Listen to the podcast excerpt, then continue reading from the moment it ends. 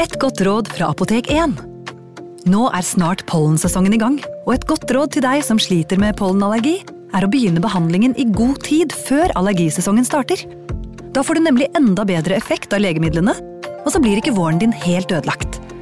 Kom innom og få råd på ditt nærmeste Apotek 1, eller chat med oss på apotek1.no. Apotek 1 vår kunnskap, din trygghet.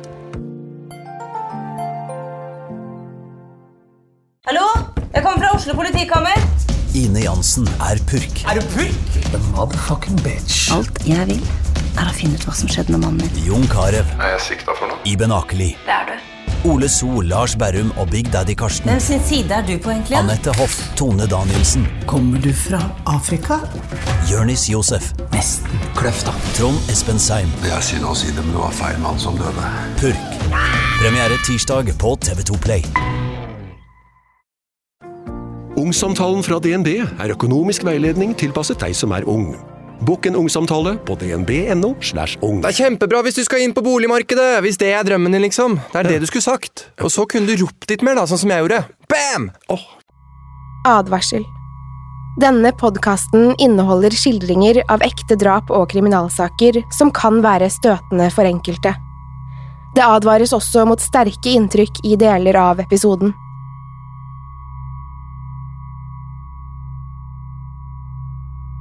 Om ettermiddagen søndag 5. oktober 1975 sto April Molseed på kjøkkenet i det lille huset i Turf Hill i Rochdale nord i England. Mens døtrene hennes Leslie og Laura lekte i overetasjen, rotet April gjennom kjøkkenskapene. Hun skulle lage litt lunsj til jentene, men oppdaget snart at hun ikke hadde nok brød til å fø hele familien. April kikket oppgitt ut av vinduet før hun snudde seg mot trappen og ropte på yngstedatteren, elleve år gamle Leslie. På et blunk sto hun foran moren og spurte hva det var. April smilte til datteren og ba henne løpe ned til kiosken på hjørnet og kjøpe mer brød, men da slo Leslie seg vrang med det samme. Molseed-familien hadde en ordning hvor barna i huset skulle hjelpe til hjemme én dag hver, og ifølge listen var det ikke Leslie sin tur den søndagen. Det var storebroren Fred som hadde ansvar for å løpe ærender for moren. April sukket og sa at Fred ikke kunne gjøre det, for han var på fotballtrening. Dermed ble Leslie nødt til å hjelpe til den dagen. Leslie protesterte, men sa seg enig etter at April tilbød henne tre pence som betaling for jobben. Til å begynne med hadde Leslie forsøkt å forhandle seg fram til seks pence, men moren sa det fikk holde med tre. Selv om hun fremdeles var litt sur, tok Leslie imot handlenettet og en énpundseddel før hun kledde på seg. Høsten var kommet til Rochdale, så Leslie tredde en blå regnjakke over genseren sin og trakk på seg tykke strømper før hun tråkket ned i de små, brune skoene. April flirte litt da den lille jenta hennes trampet demonstrativt ut i høstkulden og nedover gaten. Leslie hadde alltid vært liten av vekst. Hun var født med hjerteproblemer og hadde blitt operert allerede som treåring. Til tross for operasjonen var hun fremdeles et sykelig barn. Hun var ofte for dårlig til å leke med de andre barna ute i gaten. Da hendte det at hun satt ved vinduet og lengtet etter dager når hun var frisk nok til å gå ut. Slike dager var det langt imellom, men når de først kom, gjorde hun alltid mest mulig ut av dem. I tillegg til å være liten av vekst, hadde sykdommen også påvirket Leslies mentale alder. Selv om hun var elleve år på papiret, var ikke Leslie mer enn seks eller syv år i hodet. April så etter datteren der hun vandret nedover gaten, og var slett ikke bekymret. Turf Hill var et lite og nært samfunn hvor alle kjente alle. Leslie hadde gått alene til kiosken mange ganger før, og det var ikke langt. Idet Leslie rundet hjørnet i gaten og forsvant, ante ikke April at det skulle bli siste gangen hun så datteren i live.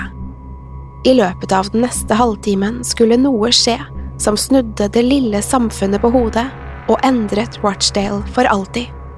Velkommen til True Crime Podden.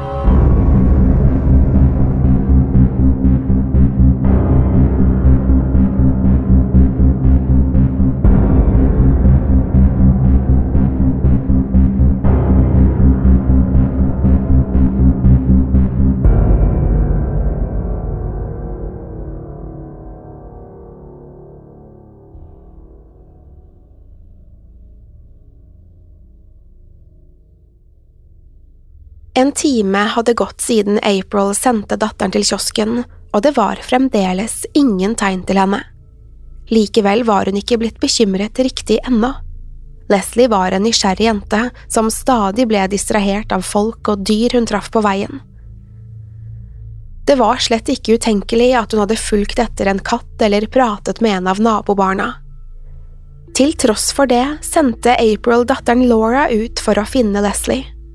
Uten brødet Leslie skulle kjøpe, ville de ikke ha noe å spise til lunsj, så det var på tide at hun kom hjem. Laura fulgte ruten hun regnet med at søsteren hadde tatt, men skulle returnere litt senere uten å ha funnet henne. Nå begynte April å bli urolig. Hun sendte Laura ut igjen, denne gangen sammen med broren Fred og stefaren Danny, for å fortsette letingen. De lette overalt, banket på dører, kikket inn i naboenes hager og spurte folk de møtte på gaten, men det var ikke tegn til Leslie noe sted. Ingen de kom over hadde sett henne, og ingen visste noe om hvor hun kunne ha tatt veien. Innen klokken var blitt tre den ettermiddagen, bestemte familien seg for å kontakte politiet. Leslie var forsvunnet, og nå var søket i gang for fullt. To politibetjenter troppet opp på Molsid-familiens dør og hadde en rekke spørsmål om Leslie. De ville vite hvordan hun var som person, og om det hadde skjedd noe i det siste som kunne forklare den plutselige forsvinningen. Politiet var nødt til å holde alle muligheter åpne fra begynnelsen. Kunne Leslie ha stukket av hjemmefra? Akkurat den teorien skulle vise seg å virke usannsynlig. Leslie elsket familien sin og hadde ingen grunn til å rømme. Dessuten var hun sykelig og ville ikke holde ut et liv på rømmen. Alt tydet på at noe annet måtte ha skjedd med henne, men hva kunne det være? Etter å ha forhørt seg med familien, begynte politiet å søke i området, samtidig som de avhørte folk i nærheten. En nabojente kunne fortelle at hun hadde sett Leslie da hun forlot hjemmet den ettermiddagen, men at hun ikke hadde sett henne komme tilbake. Flere mente også å ha sett henne gå forbi parken, like ved familiens hus. De hadde sett en liten jente med et handlenett og en blå regnjakke, så det var høyst sannsynlig at det var Leslie. Ifølge disse vitnene hadde hun tatt en snarvei til butikken gjennom en stille, utrafikkert, enveiskjørt gate. En jevnaldrende jente fra nabolaget hadde også gått et ærend for moren sin til kiosken den ettermiddagen. Hun påsto å ha truffet på Leslie like før hun svingte inn på snarveien. De hadde hilst på hverandre før de gikk hver sin vei. Jenta hadde regnet med at hun kom til å møte Leslie igjen inne i kiosken, men hadde ikke sett henne der.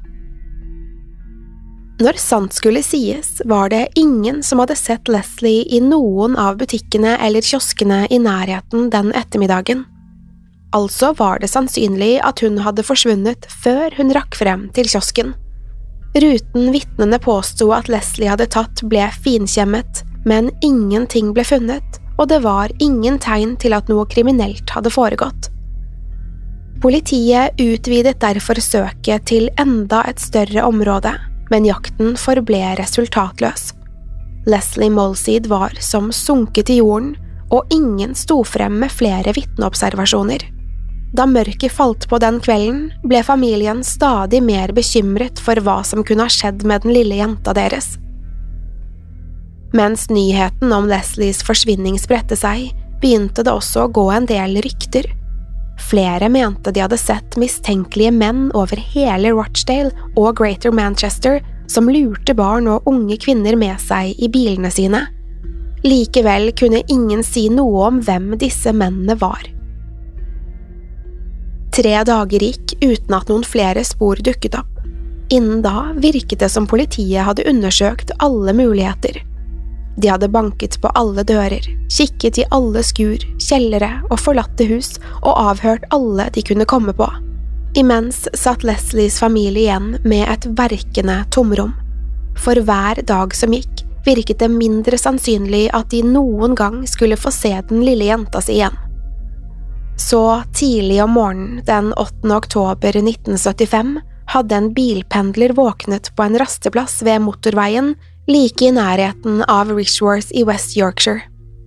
Pendleren reiste stadig gjennom området for jobb.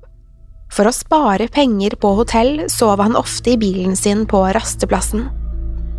Den morgenen våknet han rundt klokken åtte og kjente at naturen kalte. Han hoppet ut av bilen og begynte å vandre oppover i krattet hvor passerende biler ikke ville se ham. Idet han stavret seg gjennom busker og høyt gress, fikk han plutselig øye på noe lenger fremme. En liten blå bylt lå i en haug i krattet foran ham, og han ble straks nysgjerrig. Pendleren nærmet seg forsiktig, og plutselig slo innvollene hans kolbøtte. Der, med ansiktet ned i det fuktige gresset, lå det et lite, urørlig barn. Den blå regnjakken hang fremdeles på kroppen hennes, og ved siden av henne lå det et handlenett. Pendleren rygget sjokkert og stavret seg nedover til rasteplassen. Der kastet han seg i bilen og kjørte rett til jobb. Da han fortalte de andre på kontoret hva han hadde sett, ble politiet kontaktet med det samme. Politiet var straks på funnstedet og fant den lille jenta i krattet. Det var ingen tvil.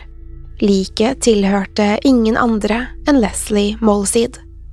Den lille kroppen var blitt knivstukket hele tolv ganger i ryggen og skulderen, hvorav ett av stikkene hadde gått gjennom Leslies hjerte. Pengene hun hadde fått med seg fra moren var borte, men ellers var alt urørt. Det var umulig å si nøyaktig når Leslie var blitt drept, men politiet så det som sannsynlig at det hadde skjedd samme dagen hun forsvant. Det fantes ingen fingeravtrykk å snakke om, men det ble funnet flekker av kjønnsvæske på deler av Leslies klær.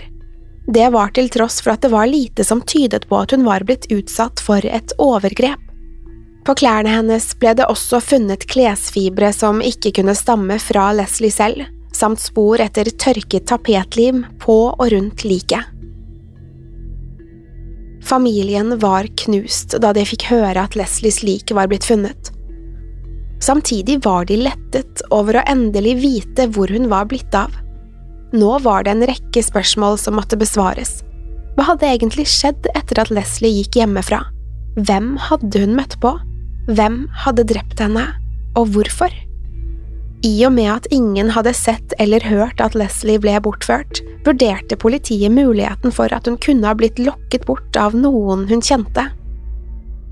De avhørte iskremselgere, taxisjåfører og melkemenn, men ingenting kom ut av det. Molsid-familien ble også nøye gransket, og privatlivet deres ble blottlagt for offentligheten. Det skulle vise seg at det var mer grums i familiens fortid enn mange visste om. Aprils skilsmisse fra barnas biologiske far hadde vært svært lite hyggelig, og både hun og stefaren Danny slet med alkoholproblemer og var økonomisk ustabile. Situasjonen hadde gjort spesielt Danny frustrert, og til tider kunne han bli aggressiv. Det virket likevel usannsynlig at Danny kunne stå bak det brutale drapet. Han hadde alltid hatt et spesielt godt forhold til Leslie og behandlet henne som hun var hans egen datter. Danny hadde aldri latt frustrasjonen sin gå utover Leslie tidligere, så politiet slo raskt fra seg denne teorien. Dermed flyttet politiet fokuset over på funnstedet. De gikk til pressen og henvendte seg til alle bilister som hadde passert rasteplassen den aktuelle dagen, og ba dem ta kontakt om de husket noe mistenkelig. De fleste observasjonene skulle være helt uinteressante, men det var to som skilte seg ut. Vitnene mente nemlig de hadde sett en liten jente som kunne ha vært Leslie i biler i området. Politiet forsøkte å nå ut til førerne av de aktuelle bilene, men ingen meldte seg. Det var også noen som mente å ha sett en ukjent mann med en liten jente på rasteplassen den søndagen. Ved første øyekast hadde det ikke virket mistenkelig. Jenta hadde blitt ført oppover i krattet, men det virket ikke som hun var blitt tvunget til det. Det var først da liket ble funnet at vitnene husket hendelsen. Mens politiet undersøkte dette sporet, skulle ny og interessant informasjon komme. En gruppe unge jenter meldte seg på politistasjonen. og kunne fortelle at en mann i 20-årene hadde blottet seg for dem og kommet med slibrige kommentarer ved flere anledninger. Første gang hadde vært kun to dager før Leslie forsvant, og siste gang var omtrent en måned etter likfunnet. Ingen av jentene visste hvem mannen var, men en av dem påsto å vite hvor han bodde. Politiet reiste straks til adressen, hvor døren ble åpnet av en liten, eldre kvinne. Hun introduserte seg som Charlotte Kitsko, og det viste seg at hun hadde en sønn som fremdeles bodde hjemme.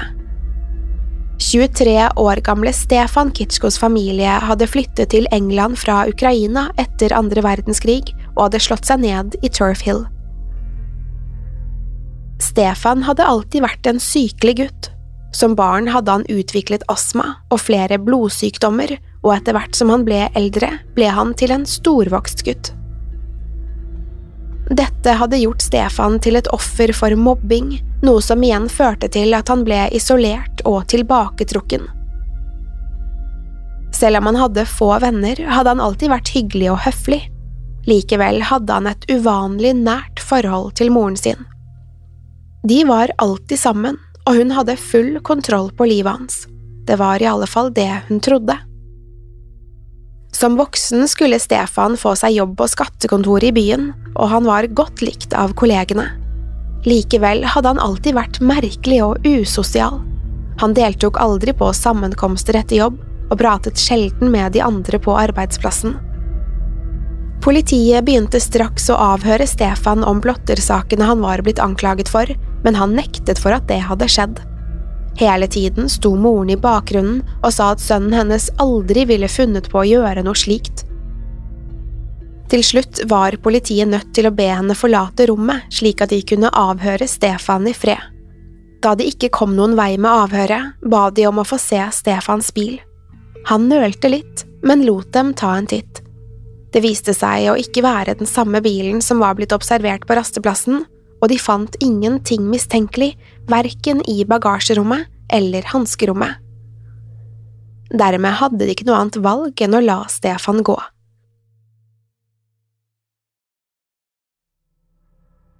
En måned gikk uten resultater. Mistenkt etter mistenkt ble sjekket ut av saken, helt til de kun satt igjen med ett navn på blokkene. Den eneste som fremdeles ikke hadde et sikkert alibi for dagen Leslie forsvant, var Stefan Kitsko. Politiet avla Stefan et nytt besøk, og denne gangen ville de vite hva han hadde gjort om ettermiddagen den 5. oktober. Stefan tenkte et øyeblikk, før han påsto at han hadde blitt skrevet ut av sykehus den dagen etter en operasjon for en fotskade. Politiet ba om å få se dokumentasjon for sykehusoppholdet, men det kunne han ikke finne igjen. Da politiet reiste til sykehuset og gravde i Stefans papirer, ble mistanken mot han bare større. Ifølge dokumentene var ikke Stefan blitt skrevet ut den 5. oktober, men 15. september, hele tre uker før Leslies forsvinning. Det virket mistenkelig at han skulle bomme så voldsomt på noe så alvorlig som en operasjon. Politiet dro straks tilbake til Stefan og konfronterte han med hva de visste, og da skulle de få seg et nytt sjokk. Nå hadde han nemlig en helt annen forklaring på hva han hadde gjort på sykehuset i september. Ifølge Stefan hadde det ikke vært en fotoperasjon. I stedet hadde han fått injeksjoner for en hormonsykdom han hadde. Det var tydelig at Stefan var i ferd med å rote seg inn i sitt eget nett av løgner. Han påsto også at han ikke husket hvor han hadde vært til enhver tid på grunn av disse injeksjonene, som gjorde ham tåkete og glemsom. Denne forklaringen var vanskelig for politiet å tro. Derfor søkte de gjennom Stefans soverom og endevendte bilen hans på nytt. Denne gangen skulle det få resultater. Blant Stefans eiendeler ble det funnet flere kniver, poser med søtsaker og pornografiske blader. Nå var politiet sikre på at de var nære en oppklaring. Derfor pågrep de Stefan og mistenkte han i saken. I flere timer satt han i avhør og måtte forklare igjen og igjen hva han hadde gjort den 5. oktober 1975. Detaljene endret seg stadig, men han var bastant på at han ikke hadde drept Leslie. Det var ikke før sjefsetterforskeren forlot rommet et øyeblikk, at Stefan plutselig begynte å prate. Ut av det blå sa han at alt var veldig tåkete, men han mente å huske at han hadde plukket opp Leslie i bilen sin den søndagen. Hun hadde satt seg frivillig inn i bilen, og sammen kjørte de til rasteplassen ved motorveien. Der hadde han ledet henne opp i krattet før han knivstakk henne til døde. Deretter hadde han onanert på Leslies klær. Dette var innrømmelsen politiet hadde ventet på. Stefan ble tildelt en advokat, slik han hadde krav på, men innen tolv timer var gått, hadde han trukket tilståelsen sin igjen. Plutselig mente han at han kun hadde tilstått fordi han trodde han ville få dra hjem igjen om han gjorde det. Politiet var skeptiske til dette. Stefan hadde allerede vist seg som en løgner. Derfor ble han arrestert og offisielt siktet for drapet på Leslie Molseed. Under den påfølgende rettssaken var både dommer og juryen enige om at det måtte være Stefan som sto bak det grufulle drapet. Alt så ut til å peke mot ham. I juli 1976 ble han derfor dømt til livstid i fengsel med en minstetid på 30 år. Molseed-familien var lettet over at det hele var over. Gjerningsmannen var bak lås og slå, og Rochdales gater var blitt litt tryggere. Selv om alle var sikre på at rett mann var blitt dømt, sluttet aldri Stefans mor Charlotte å kjempe for sønnens frihet. Hun var overbevist om at det ikke kunne være Stefan som sto bak drapet på Leslie. Hun appellerte stadig til nye instanser for hjelp, men fikk avslag gang på gang. Det var ikke før i 1987 at menneskerettsorganisasjonen Justice sa seg villige til å se på saken. Da de gikk nøye gjennom bevisene fra rettssaken, innså de at det var mye som slett ikke stemte. For det første kunne ikke sædprøvene tatt fra Leslies klær være fra Stefan. Han var nemlig blitt steril i tidlig alder på grunn av en sykdom han hadde. Som om ikke det var nok, var det et vitne som kunne sverge på at hun hadde sett Stefan et helt annet sted den ettermiddagen Leslie forsvant. Dette stemte også med Charlottes vitneutsagn. Ifølge henne besøkte de alltid Stefans fars grav om søndagene, og 5. oktober hadde ikke vært noe unntak. Representantene fra Justice kunne ikke skjønne hvorfor ikke dette vitnet hadde blitt inkludert i rettssaken. Kort tid senere sto også de unge jentene som påsto å ha sett Stefan blotte seg frem og fortalte at de hadde vitnet falskt. De var nå blitt voksne og turte endelig å innrømme at det hele hadde vært en spøk som gikk for langt. Stefan hadde aldri blottet seg for noen, så vidt de visste om.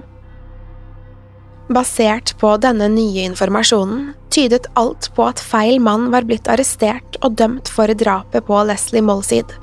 Stefan var uskyldig, og Leslies morder var fremdeles på frifot.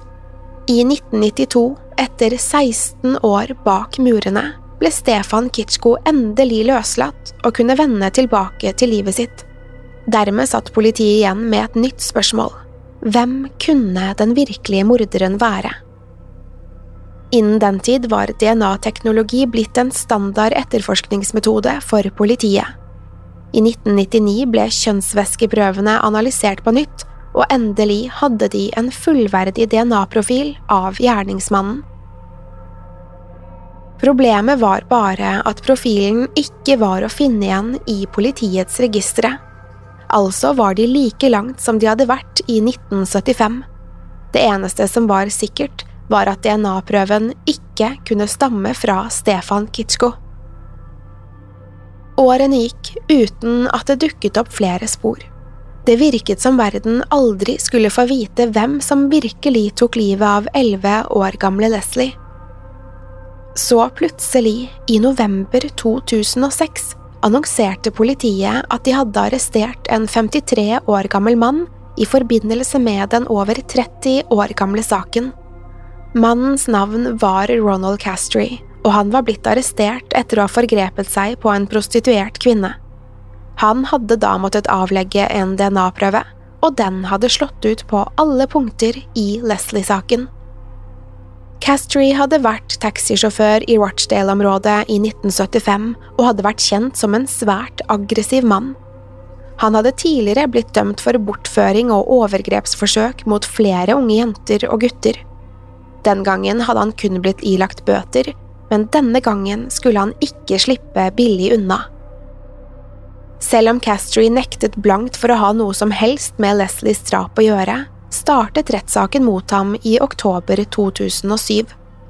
Under utspørringen kunne han ikke forklare hvorfor hans DNA ble funnet på åstedet, og han hadde heller ikke noe alibi for ettermiddagen Leslie forsvant. Som om det ikke var nok, ble fotografier av Castry fra 70-tallet funnet frem. Da ble det tydelig at det var slående likheter mellom han og mannen vitner hadde sett med Leslie på rasteplassen. Juryen gjorde kort prosess av Castry, og i november 2007 ble han dømt til livstid i fengsel. Denne gangen var det ingen tvil om at Leslies morder var blitt funnet, og nå skulle han få betale prisen for det grusomme barnedrapet. Etter så mange år med usikkerhet, frykt og sorg var Molsid-familien lettet over at marerittet endelig var over. Likevel endret ikke det realiteten. Den lille jenta deres Leslie hadde gått hjemmefra den ettermiddagen og aldri kommet hjem igjen. Selv om det var mange år siden, var savnet fremdeles stort. Nå kunne de i det minste leve i visshet om at Leslies morder var bak lås og slå, og aldri ville slippe ut igjen.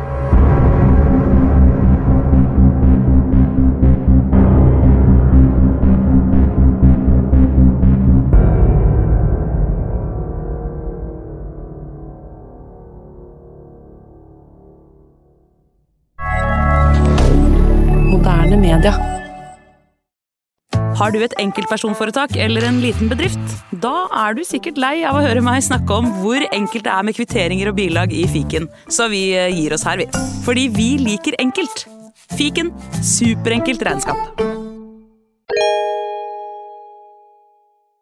Hei! Takk for at du lytter til True Crime Podden. Skulle du ønske at du kunne høre en ny episode av denne podkasten hver eneste uke? Vel, da er det bare å laste ned podkastappen Untold med en gang. I tillegg til ukentlige episoder av podkaster som Skrekkpodden, Synderne og Henrettelsespodden, får du masse annet reklamefritt og eksklusivt innhold. Last ned Untold i AppStore eller Google Play, og start din 30 dagers prøveperiode i dag.